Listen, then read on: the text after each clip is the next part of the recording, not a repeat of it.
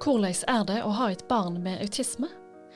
Det har gjesten i Dag og Tid-podkasten denne veka, forfatter, dramatiker og skribent Olaug Nilsen, snakka og skriver mye om. I år fikk hun Fritt Ords pris sammen med forfatterne Jan Grue og Bjørn Hatterud.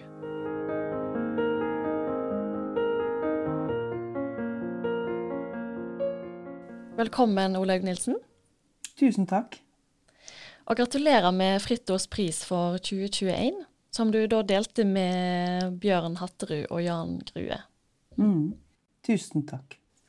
I talen på prisutdelinga så sa styreleder i Fritt Ord, Grete Brochmann, at de tre forfatterne får prisen for sterke og kritiske bidrag til å kaste lys over samfunnssituasjonen og ytringskulturen for funksjonshemma i Norge. Mm. Og de to andre prisvinnerne de har jo sjøl eh, fysisk funksjonshemming. Men du er pårørende mm. til Daniel, som har autisme og psykisk utviklingshemming. Ja, det stemmer. Og i 2017 så ga du ut boka 'Tungtidstale', En selvbiografisk roman om hvordan det er å være foreldre til et autistisk barn. Mm. Og du har òg skrevet mye i media om dette. Og jeg tenkte, for de lytterne som ikke har lest boka, eller som kjenner til historien di, mm. kan du fortelle litt om Daniel og hvordan livet hans er? Det kan jeg. Um, Daniel er altså mitt eldste barn. Han fylte nylig 14. Uh, da han uh, var liten, altså da han ble født og de første åra, så hadde han ei helt uh, normal utvikling. Uh, ifølge helsestasjonen. Det er, jo, eh, eh, det er jo sånne skjema og spørsmål som de bruker, og det er jo, eh, og det er jo ofte gjennom helsestasjonen at en kan oppdage ja, såkalt avvik, da. Ja, avvik.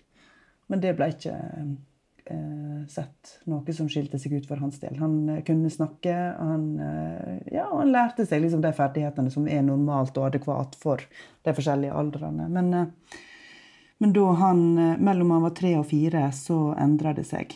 Eh, og i dag så kan jeg si at eh, autismen inntraff fordi at jeg forstår at det var sånn det var.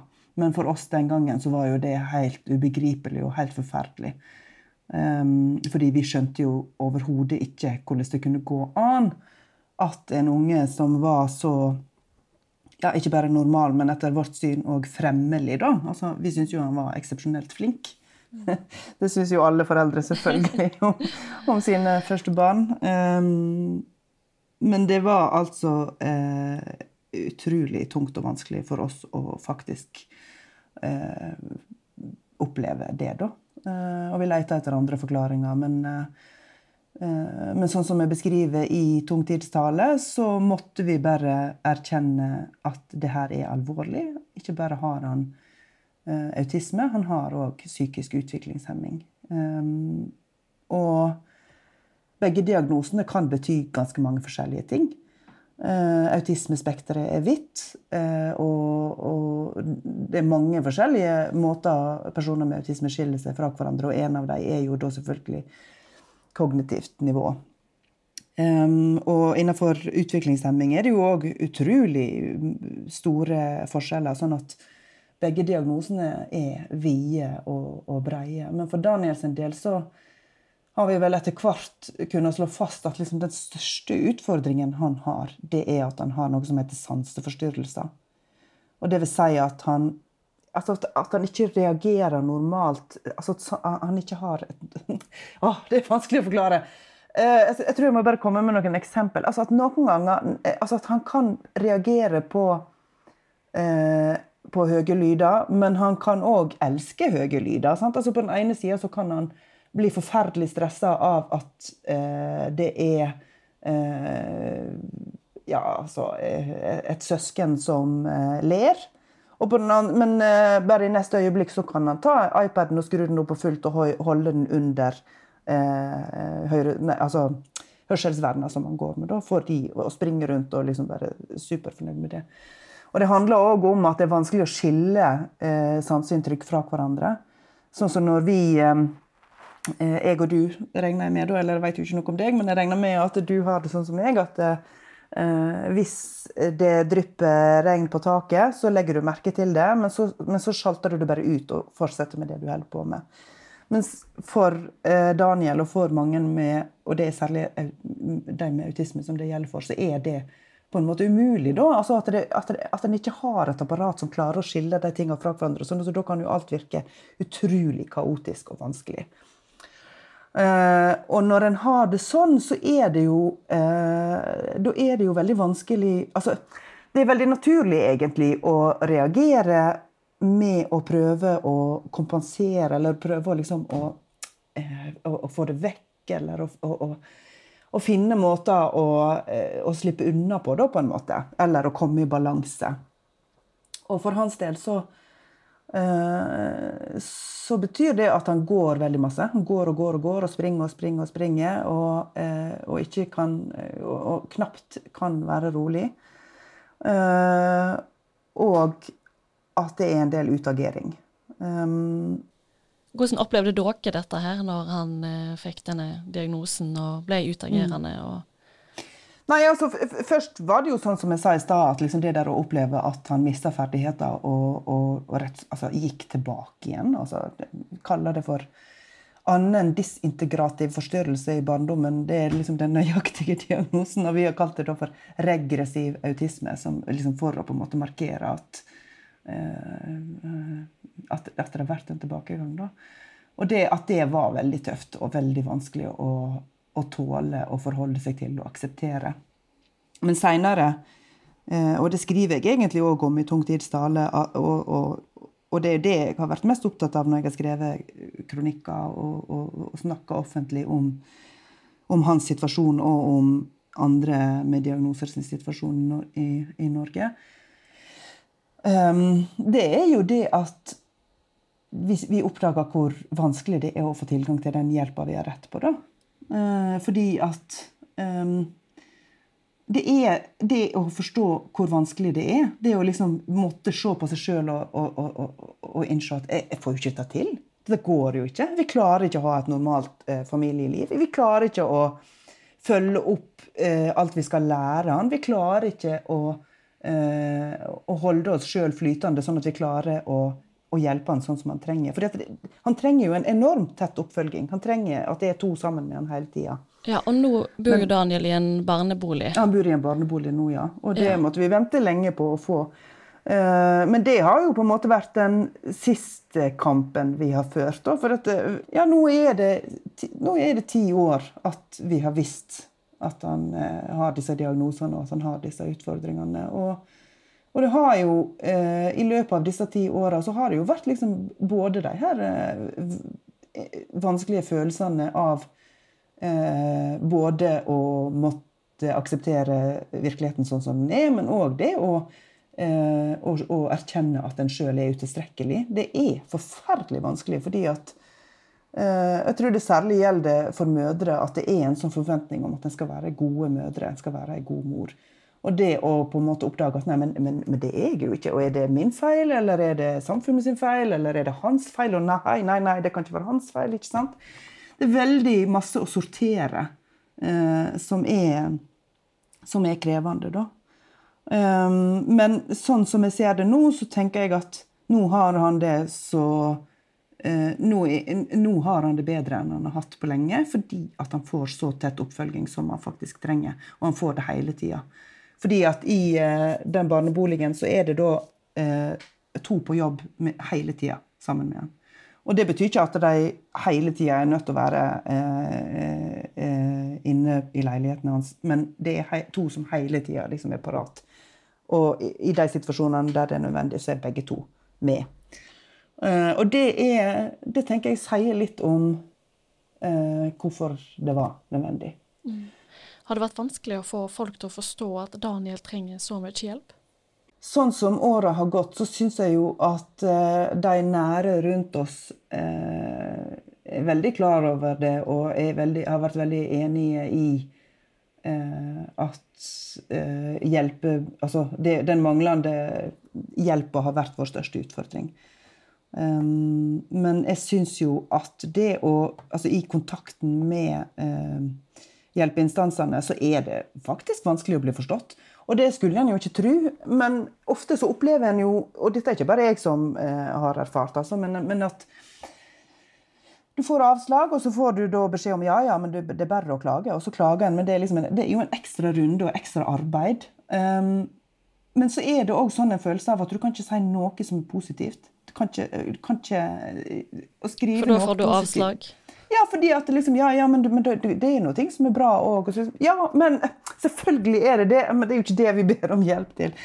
Um, og og um, uh, altså, mist, altså, at en hele tida føler seg veldig mistenkeliggjort av de som skal, uh, som skal hjelpe. Og dette har vi jo også sett. Altså, jeg, var jo ikke noe overraska over de eh, Nav-sakene og alle de historiene som kommer fram om Nav. fordi at det, er jo sånn vi opplever det. At vi liksom at vi må kjempe for, hver minste, eh, for hvert minste eh, gode og, og, hjelpetiltak. Og det gjør jo noe Jeg tror det er det som har gjort mest med meg.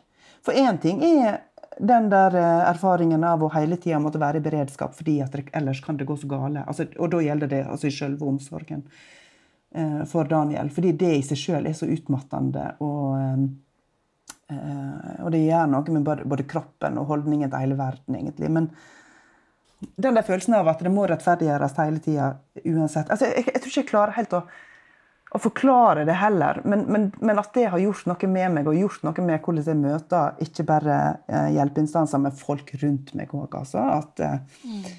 eh, at jeg får en mistenksomhet, da. Har du tenkt noe på hvordan dette her kan bli bedre? Hvordan hjelpeapparatet mm. eller systemet kan, eh, kan bli bedre? Ja. Det har jeg mm. tenkt mye på. Um, det er en uh, som heter Cato Brunvand Ellingsen. Han skrev uh, ei masteroppgave om hvordan familier med store hjelpebehov ble møtt i Norge. Og han hadde da et uttrykk, for han fant jo selvfølgelig ikke overraskende at det, var stort forbedringspotensial. Og um, at altså Hans konklusjon er vel altså, Han brukte et uttrykk som var sånn altså De som skal hjelpe de familiene, de må ikke være dørvoktere. De må være døråpnere. Og, eh, og det syns jeg er veldig eh, godt sett og godt sagt. Og det er, synes jeg må være det tenker jeg får være en overskrift for hvordan det kan være bedre. Vi skal åpne dørene for folk. Vi skal ikke eh, sjekke Vi skal ikke stå liksom med kryssliste framfor døra før de får lov å komme inn. Det er ikke perleporten, dette her. Altså, det, er det norske Nav og den norske velferdsstaten. Um, og, og, det er jo det ene. Men, men det er Jeg mener òg at det helt klart har med penger å gjøre. Det er store forskjeller på hvordan norske kommuner klarer å ta seg av sine psykisk utviklingshemma. Og um, det handler selvfølgelig om kommuneøkonomi. Jeg tror òg det handler om holdninger. Eh, og om kunnskap. Om holdninger? Eh, ja, fordi at hvis du har det som holdning at altså hvis, altså noen, noen, plasser så bruker de sånne eh, prinsipp eh, og Nå husker ikke jeg de forkortelsene, men de har sånne eh, forkortelser som står for minste akseptable omsorgsnivå. Altså sånne, sånne ting. da. Eh, og da skjønner du jo på en måte at det har med økonomi å gjøre, men det har òg med eh, holdninger å gjøre. òg. fordi at hvis du hele tida er ute etter å effektivisere, så står du veldig fort i fare for å kutte vekk eh, alt som er bra. da. Altså sånn at Det eneste som er igjen, er liksom Ja, vi skal hjelpe deg på do, og vi skal gi deg maten din, men mer kan du ikke forvente å få. Eh, og dessuten så, altså Det som jeg var inne på i stad, med det at en hele tida må forklare seg og eh, forsvare sine uh, hjelpebehov, at det òg handler om holdninger altså fra de som jobber med det. Hva de forventer at familier skal tåle. Og der mener jeg at det er veldig stor forskjell på de som jobber tett da, med de her personene med utviklingshemming, og de som sitter og bestemmer hvem som skal få hva slags hjelp. Fordi at veldig ofte så er eh, de som jobber tett, helt enig i hjelpebehovet. Men så sitter det noen og bestemmer over det, og har ikke egentlig møtt eh, de personene det gjelder. De forholder seg til en søknad og kanskje ett hjemmebesøk. Og det er jo litt vanskelig å ta inn over seg hele situasjonen eh, på det grunnlaget. Og det tror jeg er òg mye av grunnen til at f.eks. jeg er jo bare dritprovosert hver gang jeg får en sånn person hjem til meg. Og jeg klarer jo nesten ikke å være konstruktiv engang, fordi at jeg syns det er så provoserende at det er der beslutningen skal ligge. Og, og, at det er så lett å tenke ja, men så ille kan det ikke være. Eller å, eller å innbille seg at en sjøl hadde klart det masse bedre da, enn uh, en de som står i det. Sånne ting syns jeg er Ja, det, det gjør meg veldig Eh, veldig rasende. Men, men kunnskap òg er viktig å utdype. for Hvis du vet noe om det, da, hvis du vet noe om de diagnosene, hvis du vet det der om sanseforstyrrelser f.eks., så har du jo et masse bedre grunnlag for å kunne hjelpe på en god måte. Ja, enn hvis, du ikke vet det. Ja. Hvis vi går litt tilbake til den boka di 'Tungtidstale', mm. Da hadde du skrevet i en kronikk i Aftenposten 2018 at eh, du skrev denne her boka for å lette byrdene til familier med alvorlig funksjonshemming i familien. Mm. Både politisk og emosjonelt. Ja. Har du klart dette, mener du? Jeg tror jeg skrev i den kronikken 'Ja, det har jeg klart'. Og det har jeg klart. veldig, veldig, eh, den kronikken var vel et svar på eh, en kritikk jeg fikk så derfor var jeg ekstra cocky. I, uh... Men, men uh, altså når det gjelder politisk, uh, i hva grad en klarer å endre noe politisk, så, så innser jeg jo at det eneste som hjelper, er å si disse tingene igjen og igjen og igjen. og igjen, Fordi at dette er en gruppe som er usynlig, og som må være usynlig.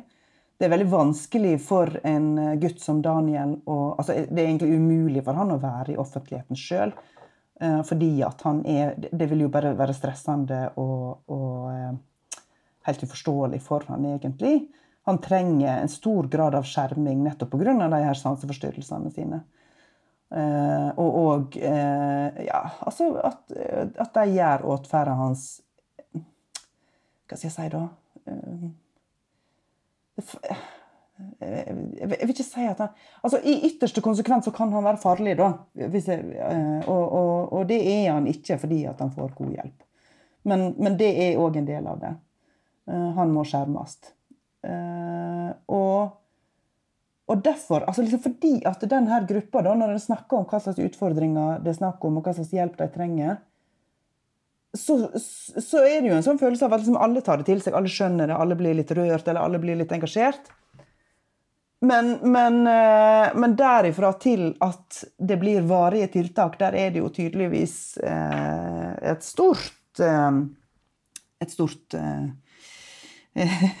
rom, da. Men, men, det som er altså Her i Bergen så Samtidig med bokutgivelsen så var jeg og andre foreldre engasjert i en kamp for å beholde en spesialskole, og den kampen vant vi. Og det er jo selvfølgelig ikke liksom, tungtidstale gjorde sånn at vi vant den kampen, men at det hadde en betydning at den kom samtidig, og at oppmerksomheten ble større rundt saka, det tror jeg at jeg må kunne si uten å ta munnen for full. Og, og det samme gjelder eh, altså ventelister i Bergen for å få bolig. Det, jo, det, det er jo ikke akkurat løst nå heller, men, men, det har blitt lovd en femårsplan for at, alle, for at køen, som er på 100 personer, som mangler bolig, eh, at den skal, eh, opp, den skal liksom eh, bli vekke. Da. Og det forplanter seg nedover til altså For når voksne med psykisk utviklingshemming ikke får bolig, så får de mer og mer avlastning i institusjoner som er meint for barn og unge. Og dermed så blir barn og unge skvist ut av ja, Det høres så stygt ut å si 'skvist ut', at, men, men, det er jo det de blir, da. De får ikke, de, får ikke de plass. da. Så um, Men emosjonelt, ja. Hvordan har jeg hjulpet familier emosjonelt? Uh, og det er det at uh, En av de tingene som var vanskelig før utgivelse av Tungtidstale, det var at det føltes som om det var ikke lov å si. Det var ikke lov å snakke om disse her utfordringene fordi at det på en måte var å skade barnet. Å snakke stygt om barnet. Å legge skylda på barnet. Um, og det er jo forståelig, fordi at veldig mange som sjøl har uh, ulike typer funksjonshemming, syns jo at det er sårende å høre om hvor vanskelig pårørende uh, kan synes at det er, da. Um, Men til sjuende og sist så mener jo jeg at dette handler om at alle må få hjelp, ikke sant? Det er Og, og det å, å peke på hvor emosjonelt vanskelig det kan være, det er en måte å gjøre det mulig å eh, få det bedre. Og jeg syns det er bedre å snakke om ting enn å, enn å undertrykke det. Så og så må jeg bare skyte inn med et spørsmål her, for jeg eh, har jo lest talen din som du holdt mm. eh, mm. under prisutdelingen. Mm. Og da spør du, du spør deg sjøl kan jeg som pårørende tale Daniels sak, eller taler mm. jeg først og fremst min egen sak, mm. ettersom jeg trenger så mye hjelp til å være omsorgsperson? Ja. Kan du utdype de tankene litt? Eh, og det, det, er nok litt i forlenginga av det som jeg sa nå. Altså at eh, for eh, personer med funksjonshemming. Det, det, er en del med funksjonshemming som helst vil snakke sjøl. Som ikke vil at pårørende skal komme der og snakke på vegne av dem. Uh, og det syns jeg at jeg godt kan ta på alvor og, uh, og uh, respektere. Men dilemmaet er jo for meg da at Daniel kan jo ikke snakke. Han kan faktisk ikke snakke. Han har ikke Eh, han kan ikke fortelle om sine behov. Så Derfor så blir det jo opp til ikke bare meg, da, selvfølgelig, men til alle rundt han å tolke hva som er hans behov. Eh, og å, å prøve å legge best mulig eh, til rette for at han skal få det best mulig. Men, men, det vil alltid være et dilemma. Det vil det, fordi vi har, ikke, vi har ikke tilgang. Jeg har ikke Jeg kan ikke Jeg har aldri vært inne i hans hode. Og selv om jeg eh, mener å forstå hva det her sanseforstyrrelsene altså, I hvert fall bedre og bedre så mener jeg å forstå det her med sanseforstyrrelsene hans, så, så, så, har jeg jo aldri Jeg har jo ikke kjent det på kroppen sjøl. Jeg veit ikke hvordan det fungerer. Så um, dette er et evigvarende dilemma, men, men, jeg konkluderte i talen med at jeg må få lov å snakke. Altså at det, er, det har en verdi at jeg òg snakker, selv om jeg ikke sjøl har funksjonshemming. Og det mener jeg. Det mener jeg. Men den tungtidstale, den er jo veldig sjølbiografisk. Mm. Hvordan var det å sette seg ned og skrive om noe så nært? Ja, um, først kan jeg jo si at jeg egentlig ikke satte meg ned og skrev. for det. Uh, boka er skrevet i eh, perioder i mitt liv der jeg var veldig, veldig sliten og samtidig i eh, høy Altså hadde store oppgaver hele tida, egentlig. Så Um, deler av den, altså Noen av tekstene i Tungtidstale det er, det er basert på e-poster som jeg har skrevet til venninner. eller um, og, og, ofte så har jeg sittet i senga med liksom, eh, Mac-en bretta helt ut. For det er liksom en, Når du ligger, med, ligger, i senga med knærne opp, og så dyna over knærne, så legger liksom laptopen på knærne, så er det best å brette den helt ut. Og den der posituren har jeg skrevet mye av den boka i, da, og, og da i bruddstykker. Um, det var uh, ikke en lett beslutning. Uh, men det tvang seg kanskje mer fram enn at jeg uh, satt og bestemte meg for OK, jeg gjør det. Altså at, jeg, at, jeg, både hadde et sånt skrivetrykk for å liksom, formulere disse tingene, som jeg syntes var veldig vanskelig å snakke om, og vanskelig å, å, å få folk til å høre på når jeg snakket om. Um, men òg den der eh, mer og mer bevisstheten om at eh, eh, folk skjønner jo ikke situasjonen vår. Folk forstår ikke hva det er vi har å deale med her. Eh, også òg de her eh, sakene i Bergen kommune, og særlig da den skolesaken. For der følte jeg jo at vi ble virkelig ikke forstått, og at vi ble liksom eh, veldig pinlig behandla av politikere som, som på en måte jeg trodde at liksom det eneste vi hadde bruk for, var litt eh, trøst og et klapp på skuldra, så, eh, så slutta vi sikkert å, å, å, klage. Da var det den skolen som skulle legges ned? Ja, det var den skolen som skulle legges ned. Og, at, og det var altså liksom den der um, Ja, den der følelsen av å bli undervurdert. Altså følelsen av at det vi sier, er ikke argument, det er bare, det er bare følelser. Um, at det òg var en veldig sterk drivkraft for, for, å skrive, og for å prøve å, å, bli forstått, og for å prøve å bli hørt. eh, rundt utgivelse så var jeg ganske redd, altså. Eh, og For jeg altså ting var jo at liksom hvis når jeg nå først gjorde dette, hvis det skulle bli dårlig mottatt og få dårlig kritikk, så hadde jo det vært forferdelig vondt. Altså For meg personlig hadde det vært veldig vondt. Um, men jeg var jo òg redd for at det liksom skulle bli forsvinne, bli helt usynlig. Altså at heller ikke det å gi ut bok skulle ha noen slags effekt. Um, og så var det òg det der at jeg At jeg jo mente og mener at det er et dilemma. At jeg kan altså hvorfor, Hvem er jeg til å fortelle det her? Og så er det òg det her med at altså at Daniel har et personvern.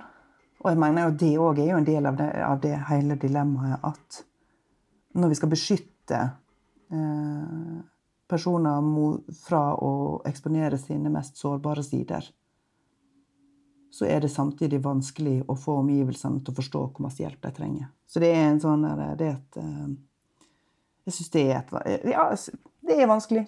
Det vil alltid være vanskelig. Oleg Nilsen, tusen takk for at du var med i Dag og Tid-podkasten i dag. Takk for at jeg fikk være med. Du lytter til Dag og Tid-podkasten. I studio i dag var jeg, Sofie Mai Rånes. Har du tilbakemeldinger på podkasten vår? Send gjerne en e-post til sofie.krøllalfa.dagogti.no. Vi er tilbake neste uke. Takk for at du lytta.